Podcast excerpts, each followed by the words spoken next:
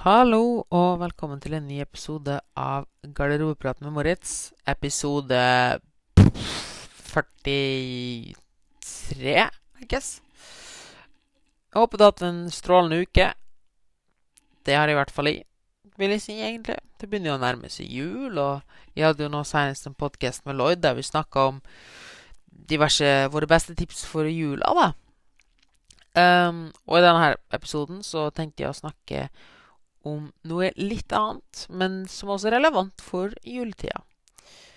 Og det er spørsmålet om du driver og løper vekk fra problemene dine.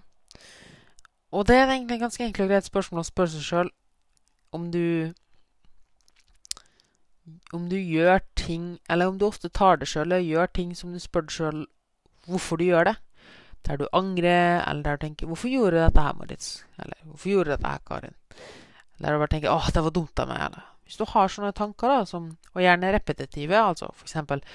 overspise på sjokolade, overtrene, jobbe til langt på natt, eh, se serier til langt på natt, ikke sove, kjefte på noen, sinneutbrudd Vi har alle noen ting vi pleier å gjøre som utfordringer, da som vi strever med, men som vi gjør igjen og igjen og blir egentlig irritert over.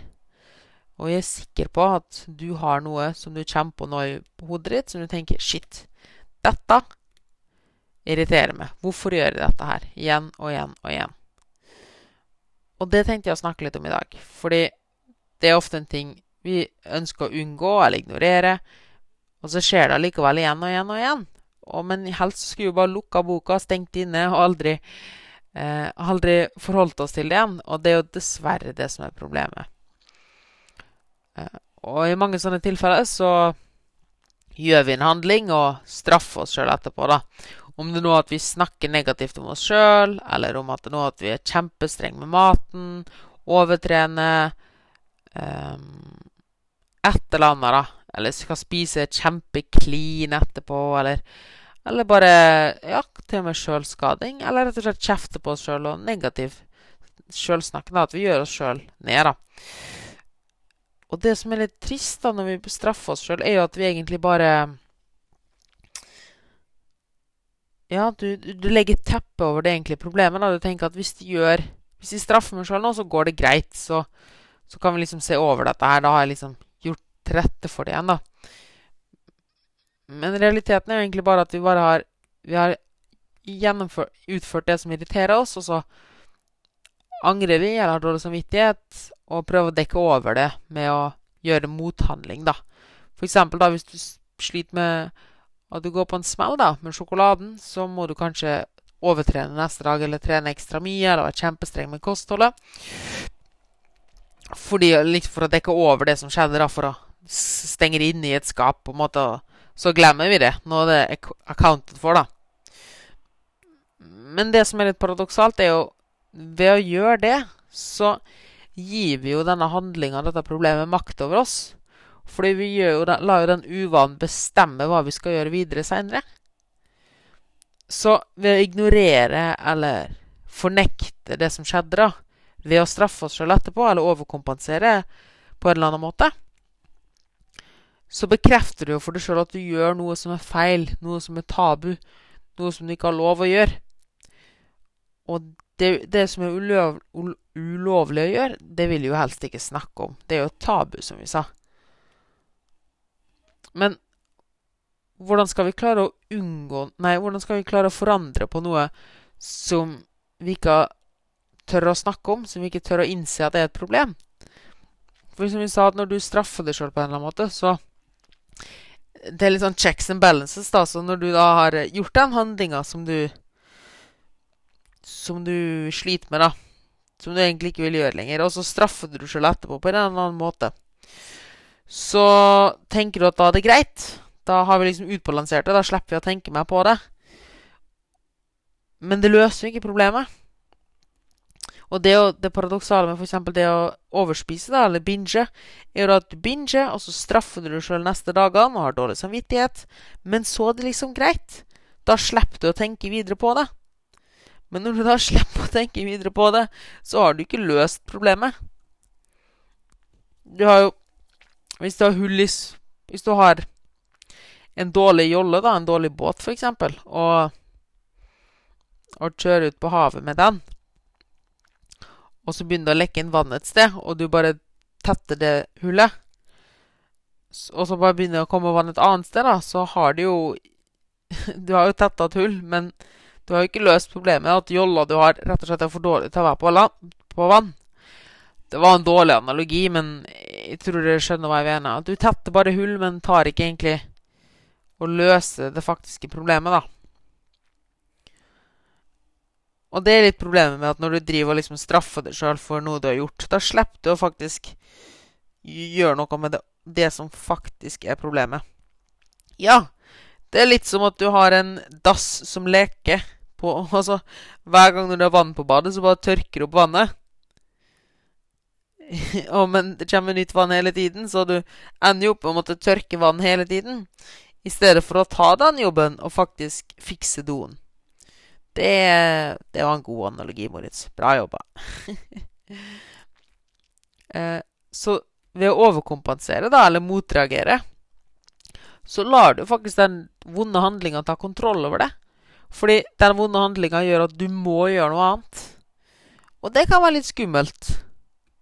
For det gir oss et inntrykk av at vi er maktløse. At det er bare noe som skjer. At vi ikke har kontroll. Og når det skjer, så må vi kompensere og straffe oss sjøl. Men når det skjer, det har vi ikke kontroll over. Det er i hvert fall det, den signalet vi sender oss sjøl, men det er jo ikke realiteten. Fordi det er jo vi sjøl som sitter ved styret. Men ved å gå inn i den offerrollen, altså, det kan bli litt skummelt, fordi det, det vi får inntrykk av at vi ikke har kontroll, og da er det veldig lett å skylde på ytre faktorer. For eksempel da hvis du La oss ta eksempel med sjokolade. Hvis du sliter med over, at du alltid Du klarer ikke å stoppe å spise sjokolade, for eksempel, da. Ok, så Og så når det da blir servert sjokolade, så skylder du på utrofaktoren. Nei, altså, det ble servert sjokolade, så da klarte jeg ikke å stoppe. Jeg måtte bare Nei, det, det, det er bare en realitet. Det er alltid sånn. Sånn er det bare. Jeg har ikke kontroll. Men det er jo feil. Det er jo tull. Eller sånn Nei, det var salg på sjokolade, så vi måtte kjøpe. Nei, det er jo ikke det. Og selv når sjokoladen er i hus, så må du ikke spise den. Men du har fraskrevet kontrollen og har bestemt deg sjøl for at når X skjer, så må Y også skje. Men det må jo ikke det. Men jeg ser at det er veldig lett å, å gå inn i den offerrollen. Og da er det veldig lett å finne unnskyldning og rettferdiggjøre for handlingene sine der og da. I etterkant så angrer vi. Men i stedet for å se tilbake på hva som egentlig var årsaken, så straffer vi oss sjøl og ignorerer det hele. Og det gjør at vi aldri kan se det som faktisk er problemet. Og det er jo at du fraskriver deg ansvar eh, og lar ting bare skje, og lar ytre faktorer påvirke det i stedet for deg sjøl. Så åssen kan vi få tilbake den kontrollen vår, da? Åssen er det vi som bestemmer å ikke la ting bare skje? Ikke gjør at Fordi det er vanskelig. Eh, og vi har alle noen sånne mønstre vi feller ned. At når det skjer, så må det skje. Og, og, da er vi maktesløse, og da må vi bare straffe oss etterpå. Men det er jo ikke realiteten. Så hvordan kan vi få tilbake kontrollen? Jo, det første du må gjøre, er at du må innse at du har et problem. Det er ikke Problemet er ikke at noen kjøper en sjokolade. Problemet er ikke at det blir servert kake. Problemet er heller ikke at det er salg på sjokolade. Det er ikke det som er problemet. Problemet er at du fraskriver deg ansvaret, og at du gjør et eller annet og kompenserer da med sjokolade. F.eks. at du er stressa. Så det kan være at du må se inn og si ok, har, når det blir servert sjokolade, så har jeg et problem med å spise og stoppe. Når jeg slutter å stoppe, slutter å spise. Hvorfor det? Hva er grunnen til det? Men for å komme frem til hvorfor, må vi først vite hva som faktisk er problemet. Vi må akseptere at vi har et problem. Og her kommer det aller viktigste dere må lære dere å gjøre. Og det at hvis det skjer som dere sliter med, ikke straff dere sjøl. Ikke overkompenser. Hvis du har overspist, ikke la deg påvirke til neste dag til at du skal spise kjempelite eller overtrene. Hvis du har kjefta på noen i familien, ikke ikke kjeft på deg sjøl etterpå, eller skade deg sjøl.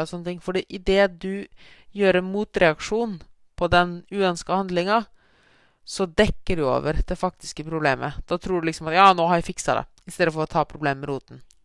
Så ikke la den tingen bestemme over det. Fortsett som før, og vis at det er du som er sjefen. At det er du som har kontroll. Det vil være første steget. Så ikke overkompenser, straff deg sjøl eller juster på noe. Ikke la tingen ta kontroll.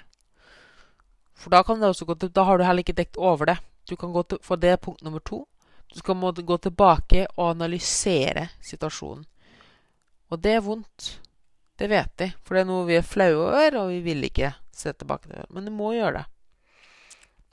Jeg pleier å si at hvordan skal du kjempe mot en fiende du aldri har sett før? Så det første du må gjøre, er å akseptere og observere. Observer handlingen, se når det skjer, let etter mønster.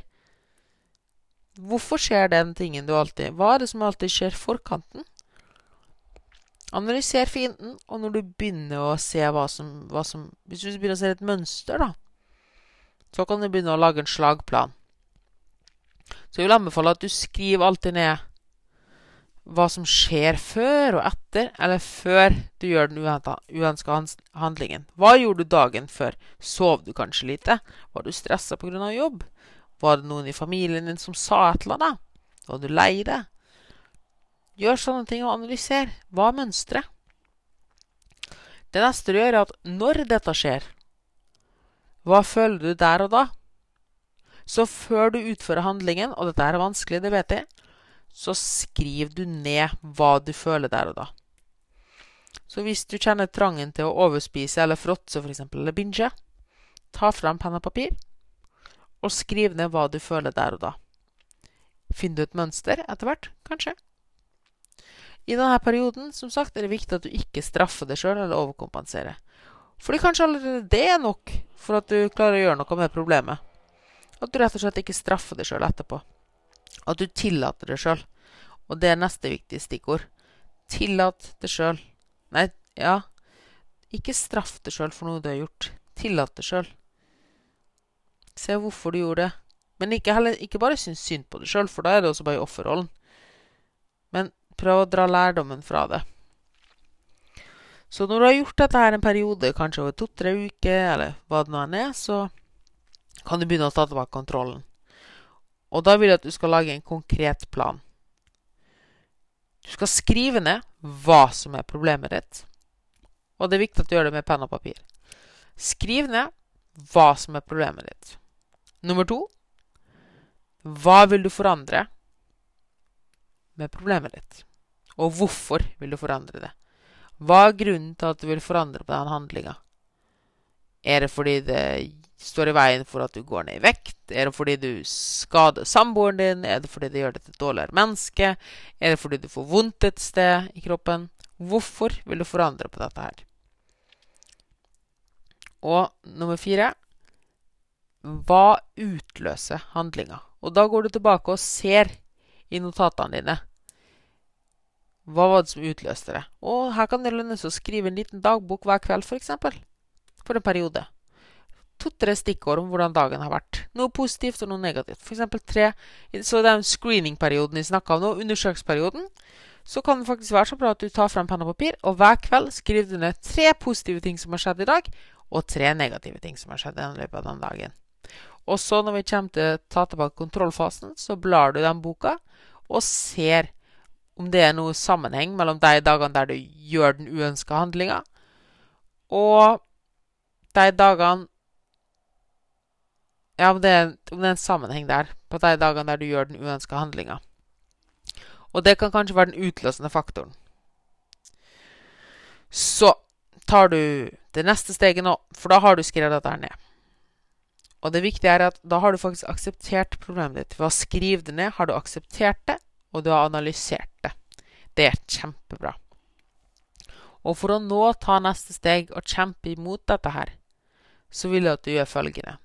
Du printer ut en kalender, eller tar den kalenderen du har hjemme, eller en sånn habit tracker er veldig, veldig fin. Kan du bare laste den som PDF eh, og skrive ut. Og så gjør du følgende. Helt til venstre oppe så skriver du hva som er problemet ditt. Under der skriver du hva du skal gjøre for å unngå problemet ditt. Og så vil jeg at hver dag du får til å unngå problemet ditt, du mestrer det, og heller ikke straffer deg sjøl neste dag, så vil jeg at du lager et grønt checkmark på den dagen. Målet vårt er å få minst 30 checkmarks etter hverandre. 30 grønne kryss, eh, sånne grønne ja, checkmarks etter hverandre. Hva gjør du hvis du ikke får det til en dag? Jo, da lager du rett og slett et stort og rødt kryss. Og så prøver du på nytt. Igjen og igjen. Og hvis det ikke funker, på forsøk nummer tre eller fire eller fem, og du har vært flink og ikke straffa deg selv etterpå, men bare resetta og starta på nytt, så kan du begynne å tenke over om det kan være en annen utløsende faktor, eller om faktisk, om det faktisk er det som er problemet, som du tror er problemet. Hvis du trenger hjelp med dette her, så er det selvfølgelig bare å ta kontakt med meg på Instagram eller moritz.ptservice.no, så skal jeg prøve å hjelpe deg. Er du med på denne 30-dagers-challengen? Den har hjulpet meg ekstremt med å slutte med diverse tvangstanker og problemer jeg har slitt med. Jeg tror også den kan hjelpe deg kjempemye. Så det var det jeg hadde for denne uka. La meg vite Hvis du har lyst, så del gjerne dine utfordringer. Da skaper du Og det Ja, det glemte jeg helt å si. Herregud. Del utfordringene dine med andre. Kanskje på Instagram eller med noen venner eller familie. eller noe sånt. Del problemet ditt og si at 'nå vil jeg gjøre en forandring'. Fordi på denne måten skaper du ekstra forpliktelse. Noen som passer litt på det.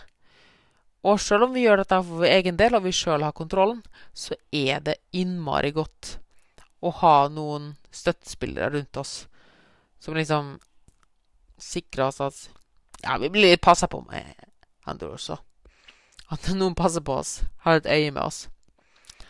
At vi ikke skal bli ferska. så det var det jeg hadde for i dag. Let me know hva du har som dine mål, dine utfordringer. Spør gjerne om du trenger hjelp. Jeg er gjerne behjelpelig. Og hvis du likte denne episoden her, så setter jeg veldig stor pris på om du deler den på Instagram, på storyen der, og gir oss en rating og en subscribe og alt dette her, og deler den videre på iTunes, Spotify og overalt der du hører den poden. Og det eneste jeg står igjen med å si da, er at du skal gå ut der og ha en ny awesome uke. Toodaloo!